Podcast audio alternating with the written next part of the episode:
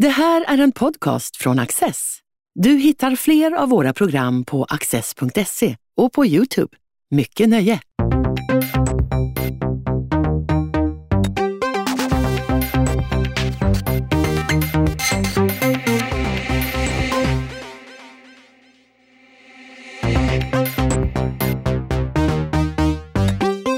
Kim Salomon är professor emeritus i historia vid Lunds universitet. I boken Jag anklagar berättar han de intellektuellas historia. Han undersöker vad självständiga tänkare har betytt för utvecklingen av våra västliga samhällen och ställer samtidigt frågan hur självständiga de intellektuella egentligen har varit. Deras led har rymt sanningssägare och motkrafter till makten, men också opportunister och ideologer som ställt sig i förtryckares tjänst. Vilka är de intellektuella? Ja, det beror ju mycket på hur man definierar vad är en intellektuell. Vilka är de intellektuella i din bok? Ja, i min bok. Jag utgick egentligen från den här italienska filosofen Antonio Gramscis definition. Han säger att alla är intellektuella. Det är bara inte alla som fungerar som intellektuella. Så jag har för, försökt att fokusera på de som fungerar som intellektuella.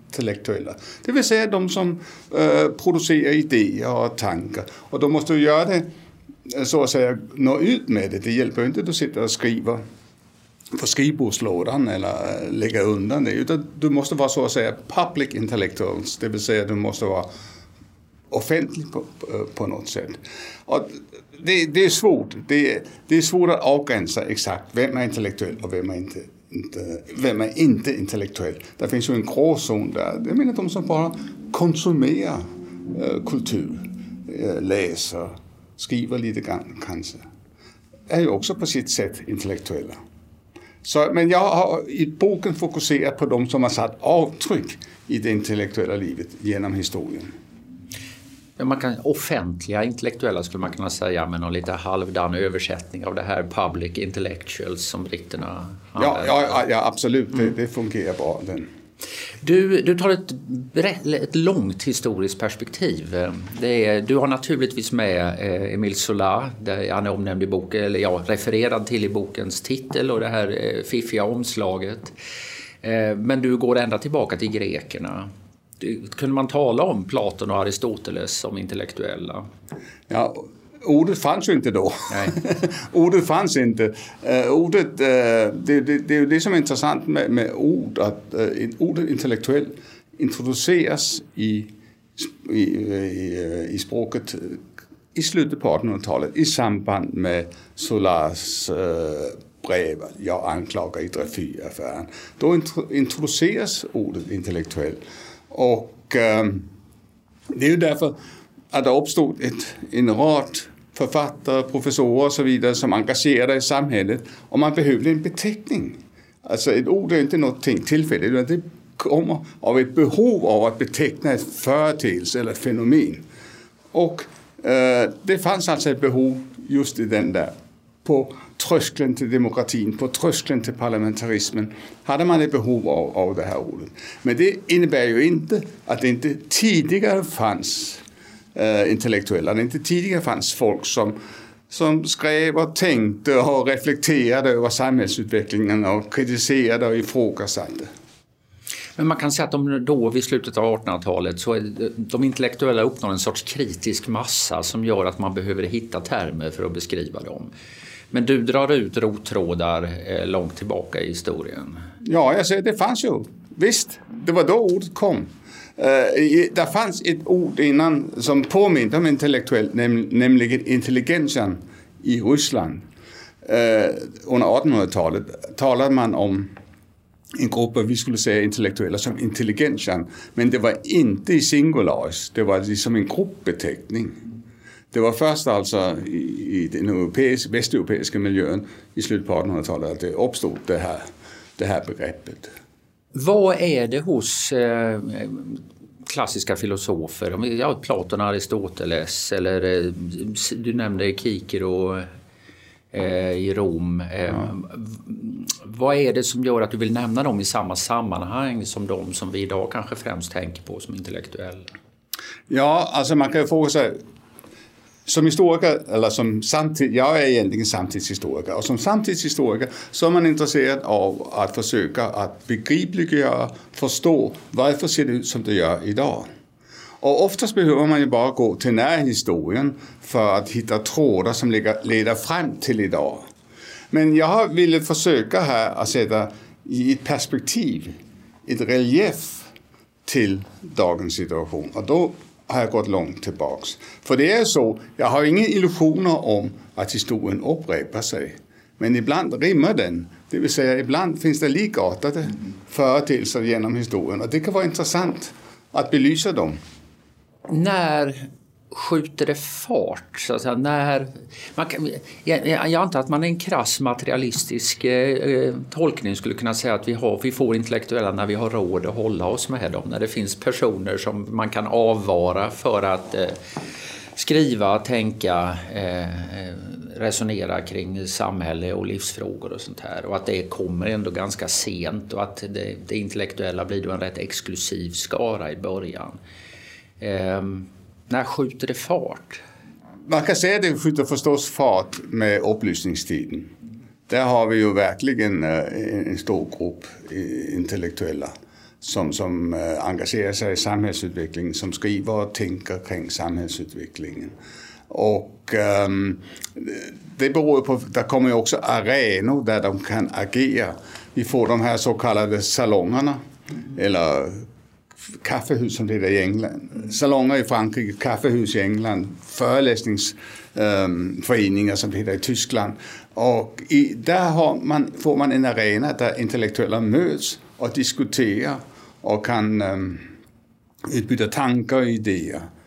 Uh, och samtidigt växer ju också universiteten. Så det finns ju alltså här miljöer där intellektuella kan möta varandra, träffa, diskutera och, och, och eh, och sen är det en samhällsutveckling. Alltså hela den här upplysningstiden får ju starkast förankring eller störst betydelse i Frankrike. Som, um, så så där, där, är flera faktorer där som, som samspelar. Man kan, säga, man kan säga att det är en. Man kan också säga att de intellektuella får en skjuts, eh, skjuts framåt redan i slutet på 1400-talet med Gutenberg, det vill säga med boktryckarkonsten. Därför då blev det plötsligt möjligt att nå ut på ett helt annat sätt än tidigare. Eh, eh, med handskrifterna fanns det ju bara i få exemplar.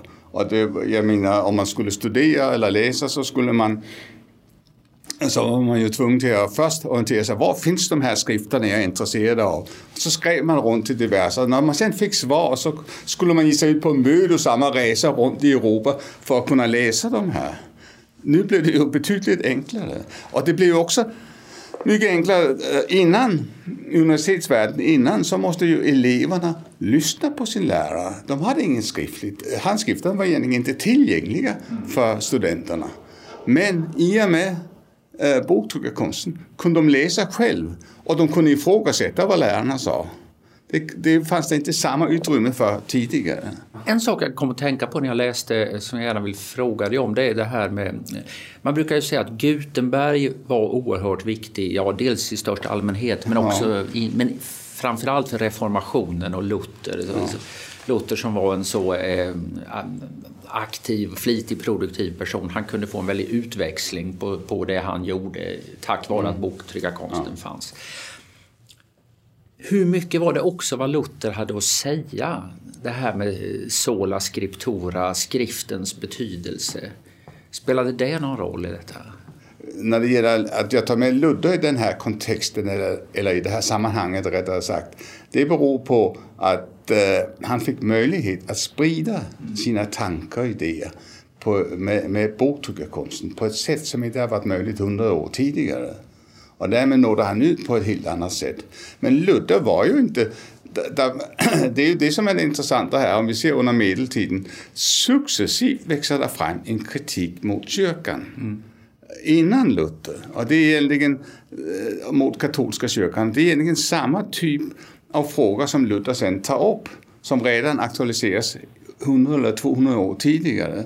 Och det intressanta är, det är ju förstås eh, många präster eller teologer som tar tag i de här frågorna och är kritiska till kyrkan. Men det är teologer som samtidigt har ett fotfäste i universitetsvärlden. Det vill säga universiteten som börjar växa fram på 1100-talet eh, skapar miljöer som kan så att säga där kritiken mot kyrkan kan frodas på något sätt. Långt fram i tiden så är de intellektuella generalister. De kan många saker, eller anser sig åtminstone kunna många saker eh, och skriver i många olika ämnen och tar upp väldigt många olika frågor. Hur viktig är den där generalistförmågan eh, för en intellektuell? Är man intellektuell i din mening om man är väldigt eh, specialiserad akademiker som bara kan ett, ett snävt fält? Ja, det där har ju diskuterats mycket för man har ju sagt att eh, de intellektuella, eh, när expertväldet successivt tar över så försvinner därmed också de intellektuella. Några av de största, sista största generalisterna som har funnits det är sådana som, som Bertrand Russell som var matematiker och uttalade sig om krig och fred och familjeförhållanden. I alla frågor hade han synpunkter. Och, och han hade en auktoritet tack vare att han eh, var en etablerad matematiker. Han hade en auktoritet och det hade ju Jean-Paul Sartre också. Eh, och som en av de verkligen stora generalisterna. Idag är det svårt att hitta den typen av, av, av intellektuella som är, generell, som är generalister. De flesta är experter eh, på ett oftast ett ganska specifikt område. Och det beror ju på att samhället successivt har blivit mer och mer komplext. Och det, det, kan man avläsa redan i slutet på 1800-talet när det kommer en rad nya universitetsämnen. Statsvetenskap, sociologi. Man behöver, samhället blir så komplext att man behöver specialister på en rad olika områden. Och då försvinner de här generalisterna. Eh, man, man talar om en brytpunkt kring 1960. Att då försvinner de i stort sett. Um, det kan man diskutera den brytpunkten. Men uh, vad diskussionen väldigt mycket handlar om det är huruvida, huruvida man är kan man kallas intellekt, intellektuell som du säger när man är expert på ett litet, uh, øh, litet specifikt område. Och øh, uh, ja, jag, jag har inga specifika synpunkter i den frågan men jag tycker nog att, att, att uh, øh, även om man är ganska snäv så är det i grund och botten en intellektuell verksamhet man bedriver när man skriver och tänker kring en konkret fråga. Vad tycker du att en generalist har att bidra med idag? Behöver vi generalister och vad är det i så fall som är deras bidrag? Ja, eh, ja alltså för att kunna agera som generalist så måste du ha en viss auktoritet. Eh, kritiken mot journalister har oftast varit att de, det är bara en massa synpunkter, det är bara en massa åsikter, de vet ingenting. Och, och, och så kontrar de det med en som är expert just på det området de uttalar sig om. Han, hon vet betydligt mer än, än äh, den här journalisten som bara har allmänna frågor. Jag tror att äh, journalisterna håller på att fasas ut. Vi är så, samhället är så komplext och det krävs expertkunskap. Alltså jag tror att de här generalisterna håller på att fasas ut. Man kan ju tänka sig att generalistens roll eller uppgift kanske inte då primärt är att fördjupa kunskapen på ett visst område utan att hjälpa folk genom sin stilistiska förmåga, genom sin kombinationsförmåga, genom sin förmåga till mönsterseende, att, att hjälpa människor som inte heller är specialister att själva reflektera över vad som händer i samhället. Ja, ja, ja absolut. Igen. Ja, det finns ju, jag skulle säga att det finns en del skönlitterära författare som egentligen är författare eh, och som uttalar sig i, i, i, en rad olika samhällsfrågor och, och eh, oftast även i sin, i sin skönlitteratur på något sätt tar upp mer eh, generella problem. Så det finns lite grann den typen av generalister idag förstås. Ja, det gör det. Du ägnade ett avsnitt av boken åt eh, framförallt 1900-talet får man väl säga och 1900-talets intellektuellas benägenhet att eh, låta sig entusiasmeras av väldigt extremistiska idéer och söka sig till totalitära eh, läror. en person som liksom har till uppgift att reflektera och kanske kritiskt syna saker. Hur kommer det sig att de synbarligen i alla fall har varit så lättlurade? Ja, det, det, det, det, är ju en fråga där det inte finns några entydiga svar på den frågan. För det är ju så att man förväntar sig ju att intellektuella som är tränade i att reflektera, tränade i att, att tänka och har massa kunskap, att de borde vara de sista som faller för de här totalitära ideologierna. Men det har ju visat ibland tvärtom. Ja, de är först på barrikaderna så att säga. Eh, uh, och, ja, det finns ju många förklaringar till detta. En, för, en förklaring är ju att um, de är alltså kritiska till sitt eget samhälle. De är ifrågasätter parlamentarismen som den bästa styrelseformen. De, eh, sen är det ju så att de här visionerna, utopierna, de är ju att mer attraktiva, det är lite mer glansfullt än det här mer vardagliga politiska lunken som, som inte är särskilt entusiasmerande. Så där, där, där en, de har en dragningskraft de här visionerna och de här eh, eh, äh, bländverk, äh, eh, politiska bländverken. De har en dragningskraft. Sen finns det ju också, man talar ju oftast om fler de som har så att säga Eh, varit i det ena lägret och sen eh, exempelvis flera som har varit aktiva kommunister under eh, äh, mellankrigstiden, de har talat om att de hade en tro. Att tron är viktig. Alltså de, vill, de ville tro på någonting. När de åkte till Sovjetunionen under mellankrigstiden så såg de böljande sädesfält, de såg rykande skorstenar. Men de såg inte barnens uppsvällda magar på grund av svält. Ja, de såg dem, men de sorterade bort dem. Ehm, därför de ville tro. De ville tro på det här. Det här var, som de skrev, ett möte med framtiden när de kom till Sovjetunionen. Uh, och, och, och, den här viljan att tro. Och sen får du också tänka dig att den här personkulten i de här totalitära ideologierna. Uh, personkulten kring Mao, Stalin, Hitler. Uh, den har ju eh, religiösa metaforer, den har sakrala rutiner så att säga. Så det finns ju mycket religiöst i det på det sättet. Men alltså, där, där finns ju många, jag kan se, om vi ser på sån, två personer som jag, jag har, har, med här. Det är Sartre och, eh, och Jean-Paul Sartre och Karl Popper. Mm -hmm. Karl Popper skriver 1945 Det öppna samhället. Karl Popper har, är jude och har en erfarenhet av uh, judeförföljelserna, nazismen och fascismen före kriget. Sartre är, full, är inte alls politiskt engagerad före kriget. Det är först efter kriget han blir engagerad. Så de har helt två olika livsbanor. De är jämngamla, tillhör samma generation. Men Popper pekar mot det öppna samhället och Sartre mot det slutna samhället. Så eh, det, det är också så att säga personliga erfarenheter som spelar in. Du har någon formulering i början om den intellektuelles roll som att eh, eh, sprida universella idéer eller universella föreställningar. Är det liksom ett kriterium för att man ska vara godkänd som, eh, som intellektuell? Att, att man vill lite då, den som åker som politisk pilgrim till, eh, till Sovjetunionen och antingen inte förmår se eh, det som pågår där eller väljer att bortse ifrån det. Förtjänar den personen att kallas intellektuell? Nej, det, det, kan, det, det, kan man diskutera därför att de har ju på något sätt en blockering som gör att de kopplar bort sin kritiska eh, sin kritiska uppgift. De kopplar bort ifrågasättande utan de övergår mer till en tro. De blir apologeter ja, snarare. Ja. Eh, så, så jag, jag, tror också att jag aktualiserar den frågan i, i boken.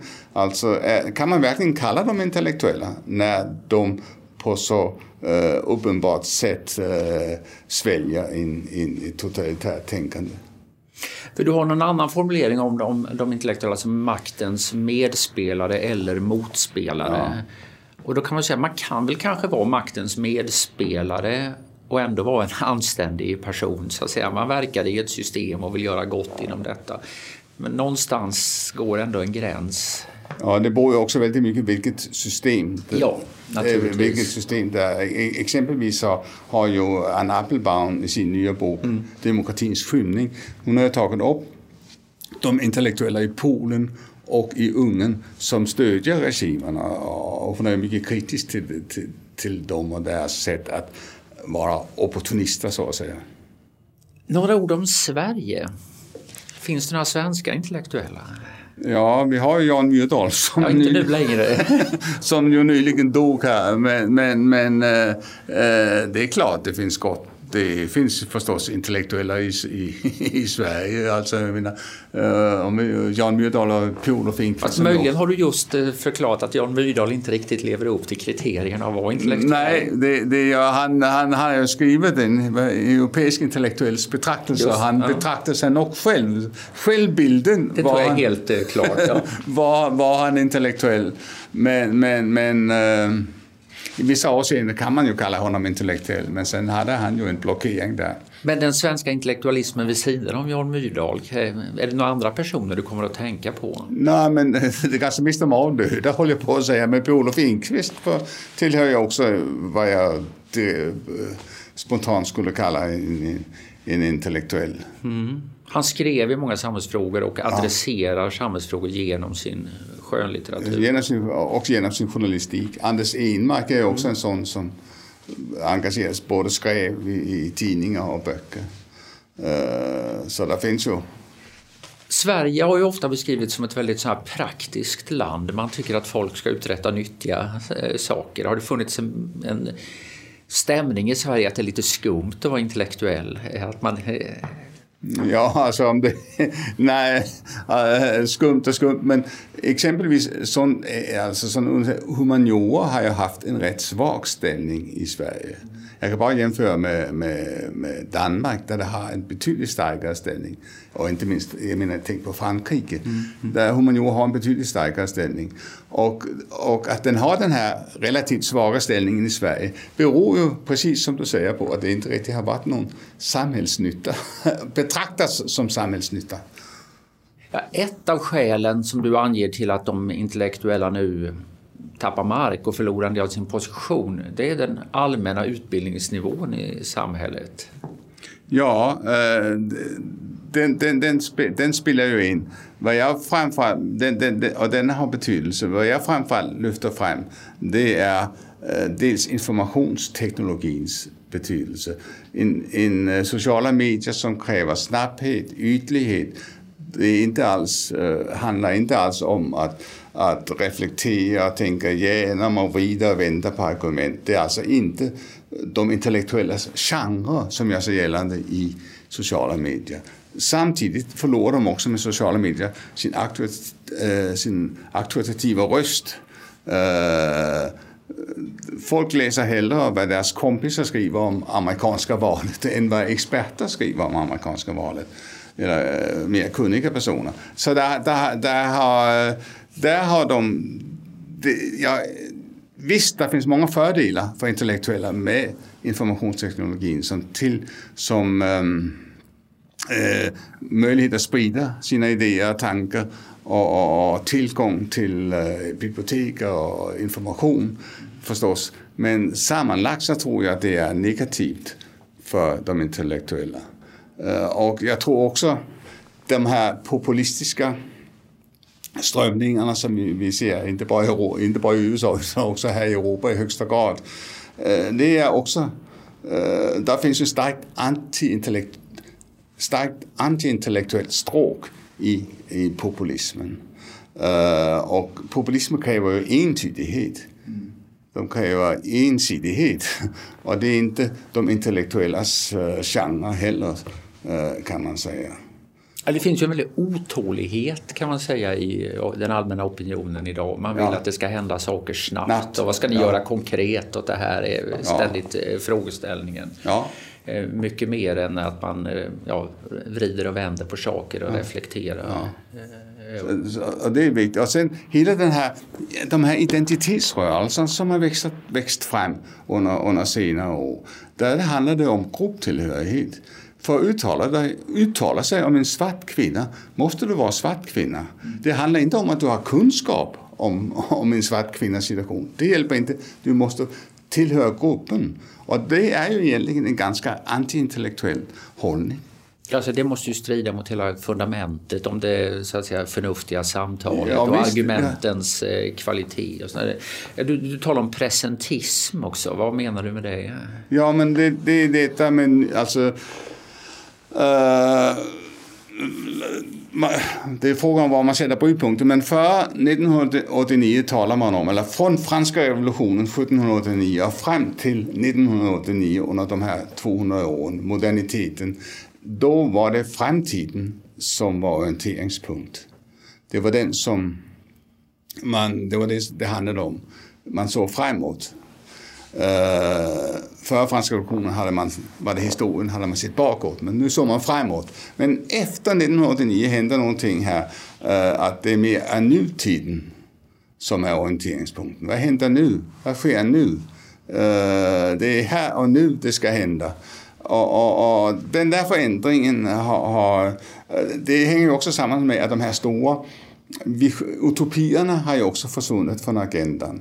De här framtidsorienterade eh, utopierna, de har ju också försvunnit från agendan. De funkar inte i, i, i tankemönster som eh, har nuet som orienteringspunkt. Ja, det kanske är en lite dyster punkt att sluta på, men det vill säga att samhället och därmed också de intellektuella har framtiden bakom sig. Ja, alltså nej, man, man, man, man, får också, alltså, man kan också se de här reaktionerna exempelvis mot Trumps USA, exempelvis mot de här populistiska rörelserna eh, i Europa, äh, även i Sverige. Den vittnar ju om att det kommer att det är en reaktion mot lögnerna. Det är en, en, en, en reaktion eh, mot, mot den här eh, vad ska vi säga, kunskapsföraktet. Och den, det är den reaktionen som är mot detta som man, får ta, som man kan använda för att se lite optimistiskt på framtiden. Så en bra intellektuell behöver en riktigt bra motståndare. Ja. ja. Kim Salomon, mycket trevligt att talas vid. Tack för att du har varit med. Tack.